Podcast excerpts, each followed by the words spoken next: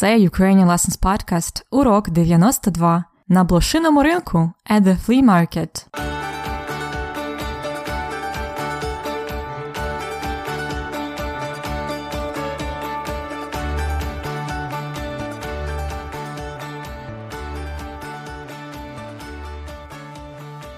Добрий день! Мене звати Анна, і я ваша вчителька української. Ви слухаєте мій подкаст Уроки української. Це такий собі аудіокурс української мови для іноземців. Сьогодні у нас епізод 92, і ми продовжуємо слідкувати за життям американки Крістін в Україні. Минулого разу Христина розмовляла зі своєю сусідкою Лесею, і та давала їй різні поради, де можна поїсти на районі, де можна надіслати листівку, де можна купити старий фотоапарат. На вихідних Христина таки поїхала на барахолку, блошиний ринок, і купила там щось. А те, що вона купила і скільки вона заплатила, ви почуєте сьогодні в її розмові. Також ми будемо більше говорити про дієслова доконаного і недоконаного виду. А саме ми поглянемо на те, які є способи утворення дієслів доконаного виду. І, звичайно, послухаємо приклади. Тож почнімо цей урок української. As always, before we begin, I make a short introduction in English too. You're listening to the Ukrainian Lessons podcast, which is a kind of Ukrainian audio course for foreigners. In this episode, we will continue to follow the life of an American girl, Kristen, in Ukraine. Last time, Christina talked to her roommate Lesia, and she gave her different porady, different pieces of advice where she can eat in the neighborhood, where she can sp- where she can send a postcard, where she can buy an old camera. So Christina decided to go to the flea market, and today you will have a chance to listen to her conversation there. We will also talk more about the verbs and have a closer look at способи утворення дієслів доконаного виду. Ways of forming the verbs in the perfective aspect. With some examples, of course. Тож почнімо цей урок української.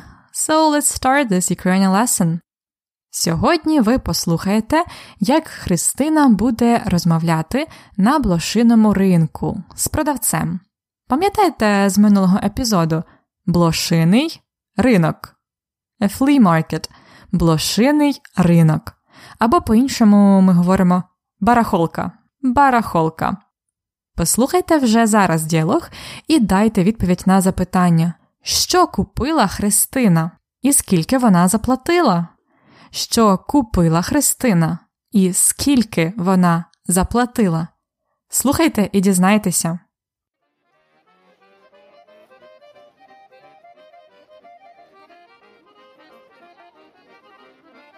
Добрий день. Добрий. А скільки коштує цей капелюх? А скільки дасте? Хм, ну, гривень 100. Добре, забирайте. М, я ще хочу подумати. Не думайте, вам дуже личить. Хм. О, у вас є вишиванка? Така гарна. А можна приміряти? Можна, але тут, як бачите, немає особливо де приміряти. І хіба можу вас прикрити? М, ну добре. А скільки коштує така? А скільки ви дасте? Ну, скажіть ви тепер свою ціну? 1300. Ого! А це ви самі вишивали? Ні, це вишила моя мама. Вона так багато вишиває, що ми не встигаємо носити, тому й продаємо. Ну добре, буду міряти тоді. Будь ласка. Ну що, ви вирішили? Вам дуже личить. М, не знаю. Вибачте, я завжди довго вирішую. Та нічого. Взагалі мені подобається, але це мені не по кишені. Давайте за тисячу гривень. Ні, за тисячу ні. Можу скинути 50. Беріть за 1250. Трохи дорого. А може за 1100? 1200 остання ціна і капелюх в подарунок. О, ну добре. Вам запакувати? Так, дякую. Ось ваша решта. Носіть здорові. Дякую. Гарного вам дня. Взаємно, приходьте. До побачення. То що купила Христина? I will leave you some space for you to answer, so try to make a full sentence now. Що купила Христина?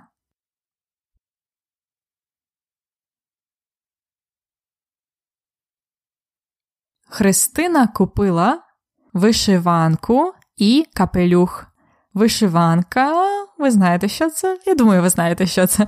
Це embroidered shirt, Ukrainian traditional embroidered shirt. Вишиванка. А капелюх це hat, a hat. Але не шапка, шапка це a woolen warm hat, шапка, а капелюх. It's uh, usually for summer or it's uh, kind of an old style hat. Капелюх. Капелюх. То Христина купила вишиванку і капелюх. А скільки вона за це все заплатила? Зробіть повне речення. Скільки заплатила Христина?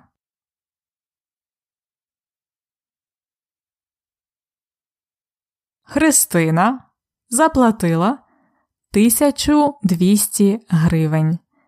Вона заплатила 1200 гривень. Спочатку продавчиня хотіла за капелюх 100 гривень, а за вишиванку 1300 гривень. Разом 1400. Але Христині це було занадто дорого. Не по кишені. Не по кишені, not to her pocket. Too, too expensive. Тому вона поторгувалась. She was bargaining. Вона поторгувалась. На блошиному ринку в Україні треба обов'язково торгуватись. Щоб торгуватись, ви можете сказати це занадто дорого. It's too expensive. Давайте дешевше. Maybe cheaper. Give me for cheaper. Це мені не по кишені.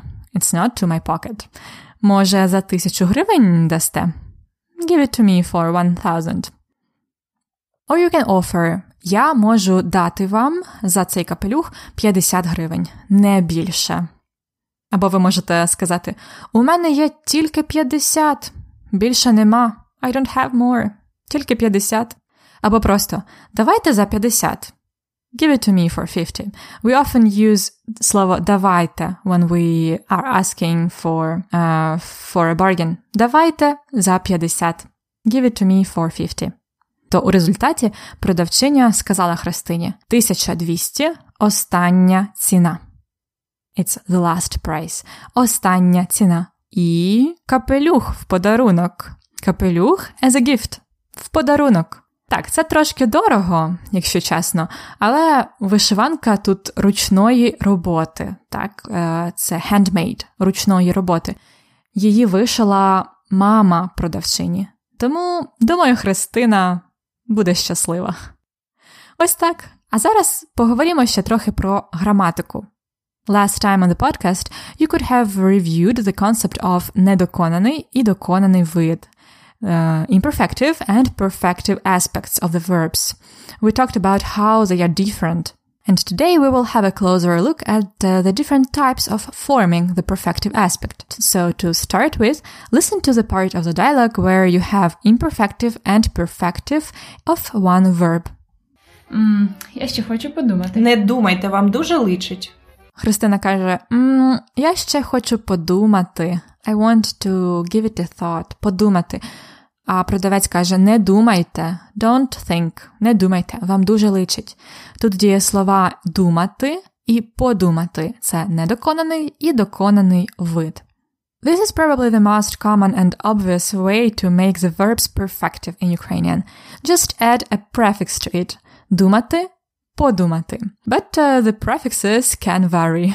This season, by the way, in the episodes 80 through 90, we've discussed uh, many prefixes in Ukrainian and their general meanings. For example, here are some other prefixes that can make verbs perfective. За пакувати, запакувати, to pack. Пакувати, запакувати. З or с, казати, сказати. На писати, написати. При нести to bring, to carry, принести. Про читати, прочитати. So these were prefixes we used to make verbs perfective. Now let's listen to one more part of the dialogue with another verb used as imperfective and perfective at the same part of the dialogue. А це ви самі вишивали? Ні, це вишила моя мама. Вона так багато вишиває, що ми не встигаємо носити. Тут продавець каже: Це вишила моя мама. This was embroidered. Uh, my mom was embroidering. My mom embroidered this shirt. Так, вишила. This is perfective. Вона вишила. We have the result. The result is вишиванка. But also продавець says, вона так багато вишиває. She embroiders so much. So it's a regular action. Вишиває. Вишивати is imperfective here. Ми не встигаємо носити.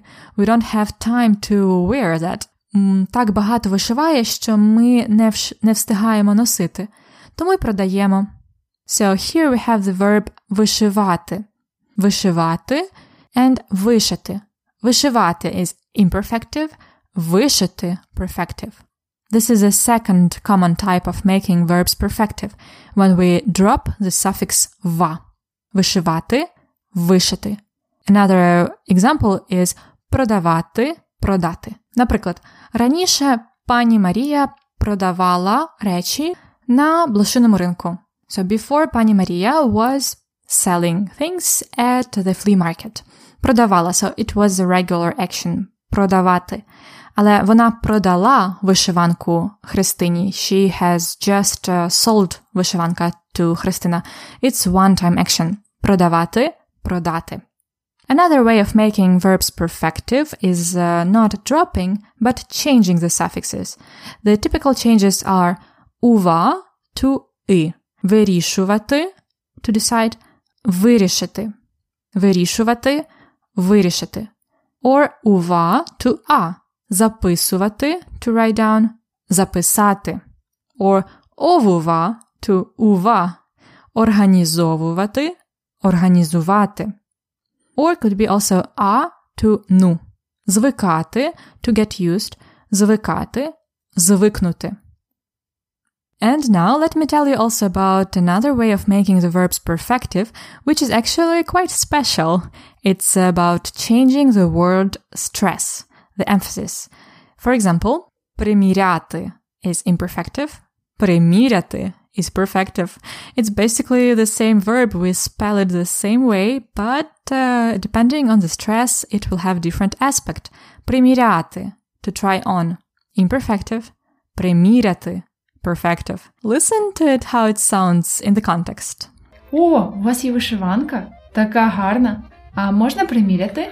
Можна, але тут, як бачите, немає особливо де приміряти. Хіба можу вас прикрити? Христина питає: А можна приміряти? А можна приміряти? Can I try it on? Приміряти here is uh, perfective. She wants to try it on for one time. А продавець відповідає: можна, але тут, як бачите, немає де приміряти. There is no place to try on. And here this is kind of a regular thing. Так, it's приміряти, imperfective. So there are not so many verbs like this that change their stress to become perfective. Let me give you just some other common examples. Розрізати, розрізати. It's to cut, to cut in half, usually. Засипати, засипати. It's to fill up. Засипати, засипати.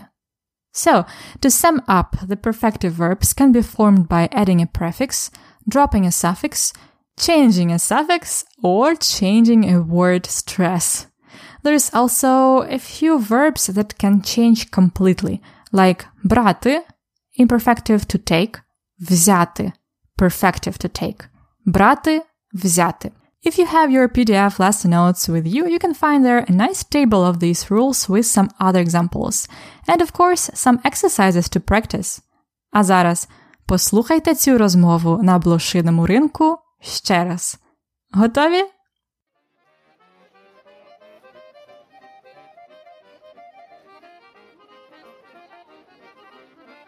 Добрий день. Добрий.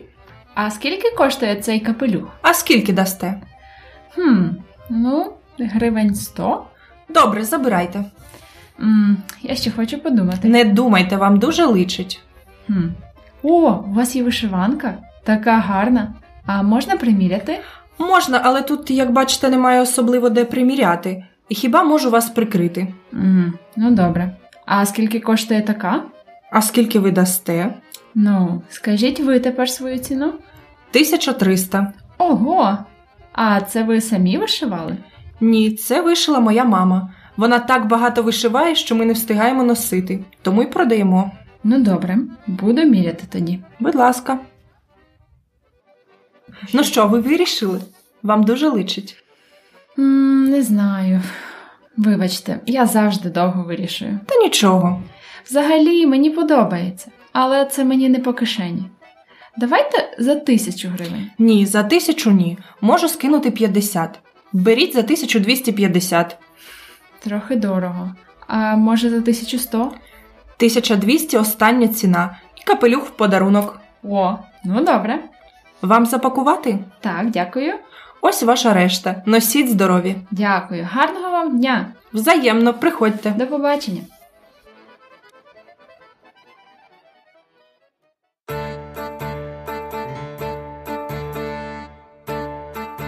Дієслово дня. У розмові на блошиному ринку Христина і продавчиня торгувалися. Тобто Христина пропонувала свою ціну, а продавчиня свою. Вони торгувалися. Торгуватися означає to bargain, to haggle. Торгуватися. Pay attention, доконаний вид, perfective, can be different. Сторгуватися with the prefix с. Сторгуватися means to meet over the price. Сторгуватися. А поторгуватися it's just to bargain about something for some time. Поторгуватися. For example, Христина поторгувалася з продавчиною вишиванки. І вони сторгувалися на 1200 гривень. Now let's try to conjugate this verb with a ся. Я торгуюся. Remember we keep ся at the end. Ти торгуєшся. Or if we read it fast, торгуєшся. Ти торгуєшся. Він торгується. Торгується. We spell it тіся. Яка це дієвідміна? Це перша дієвідміна. Є. Ми торгуємося. Ви торгуєтеся. І вони торгуються. А ви часто торгуєтеся на блошиному ринку? Я так. Фразеологізм дня. Послухайте, будь ласка, уривок діалогу з фразеологізмом дня. Взагалі мені подобається, але це мені не по кишені. Ми вже говорили про цей фразеологізм. Це фразеологізм не по кишені. Literally not for my pocket. Кишеня. It means beyond means, unaffordable, too costly. I can't afford it. Мені ця вишиванка не по кишені. Ви могли б зробити знижку? питає Христина. This вишиванка is too costly. Could you make a discount? Ви могли б зробити знижку? Мені дуже подобається цей будинок, але, на жаль, він мені не по кишені. I love this house, but I can't afford it. Він мені не по кишені. Сподіваюся, вам по кишені наша підписка преміум.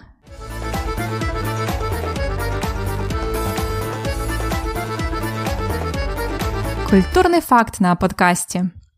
Сьогодні ми, звичайно ж, поговоримо більше про блошині ринки. Блошині ринки або барахолки, або англійською flea markets are popular places in the big cities in Ukraine. I cannot tell about all the cities, but in Kyiv, the tradition of Bloshiny Rynok is quite strong. Every Saturday and Sunday, there is a big uh, Bloshiny Rynok in the neighborhood called Petrivka. Actually, the subway station has recently been renamed, and now it's called Pochayna, Pochayna Station. At Pochayna Station, there is the biggest in Ukraine permanent book market, where you can find tons of new and old used books. And also during the weekend, uh, there is a flea market, which is basically a long street on the sides of which people sell their old stuff. Barachlo. You can find practically everything there, from retro clothes or decorations to stamps and furniture. Some foreigners especially like to see different things from the Soviet Union. People come to Baracholka to find some cool old and cheap stuff, to sell their things uh, that they don't need, but most importantly, to socialize and have a nice time, especially when it's nice and sunny. This is the flea market I usually visit, uh, but I think there are others in Ukraine as well. Again, it's at Pochina station And the biggest second-hand clothes market in Kiev is located at the station Lisova. Lisova. It's uh, so huge, this market. It has loads of second-hand clothes and shoes. So if you're interested in something like that and not afraid of weird smells, you must check it out. It's at Lisova Station. Ласкаво просимо на шопінг до України.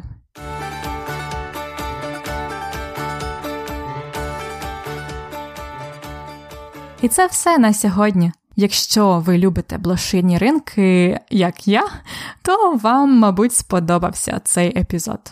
А якщо не любите, то сподіваюсь, ви все одно вивчили щось нове та цікаве сьогодні.